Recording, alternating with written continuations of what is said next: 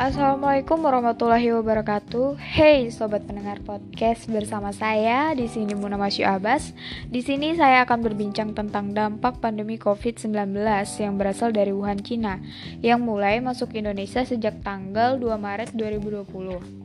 Dampak pandemi ini yang dapat kita rasakan terutama saya yaitu di bidang pendidikan. Tentunya ada dampak positif dan negatifnya.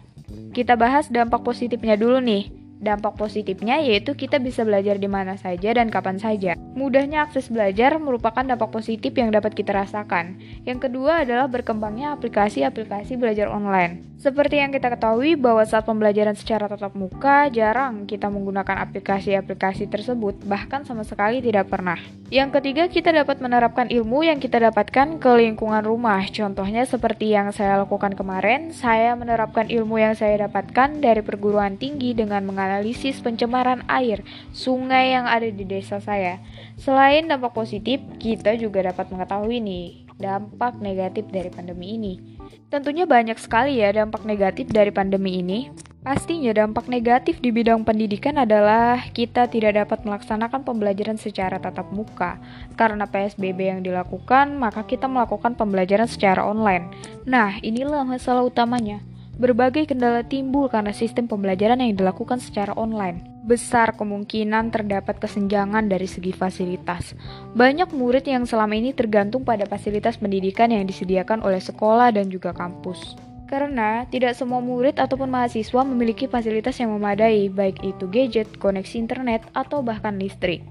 Apalagi murid atau mahasiswa yang tinggal di daerah 3T, terdepan, terpencil, terluar, sulit mendapatkan fasilitas pendukung pembelajaran online. Beberapa kendala ini menyebabkan kita yang tidak memiliki fasilitas mendukung harus memaksakan diri untuk mendapatkannya. Usaha untuk pinjam sana, pinjam sini, mencari sinyal hanya untuk belajar online. Belum lagi yang daerahnya terpencil sekali yang tidak ada listrik. Apakah ada solusi untuk ini? Dampak negatif lainnya yang bisa kita rasakan yaitu pembelajaran secara online terasa lebih berat daripada pembelajaran sebelumnya. Karena pembelajaran secara online, dosen ataupun guru merasa lagu kalau mahasiswa ataupun murid tidak belajar di rumah. Oleh karena itu, mereka sering memberi tugas yang berlebihan. Berdasarkan riset yang dilakukan oleh The Conversation, beberapa orang tua murid menyarankan agar pembelajaran jarak jauh tidak terbatas pada pemberian tugas saja. Ada baiknya jika sesi penyampaian materi juga diperbanyak agar murid dapat benar-benar merasakan seperti belajar dan tidak diberi tugas saja. Makin jauh pembahasan saya tentang dampak negatif di bidang pendidikan ini. Menurut saya, pembelajaran secara online sangat menuntut kita untuk mandiri dalam menjalaninya. Bagi kita yang tidak memiliki fasilitas yang memadai, kita harus berjuang agar kita dapat terus melaksanakan pembelajaran online. Bagi kita yang merasa berat sekali belajar online, sulit paham, kita harus meningkatkan minat belajar dengan mandiri pula. Namun kendala bukan halangan.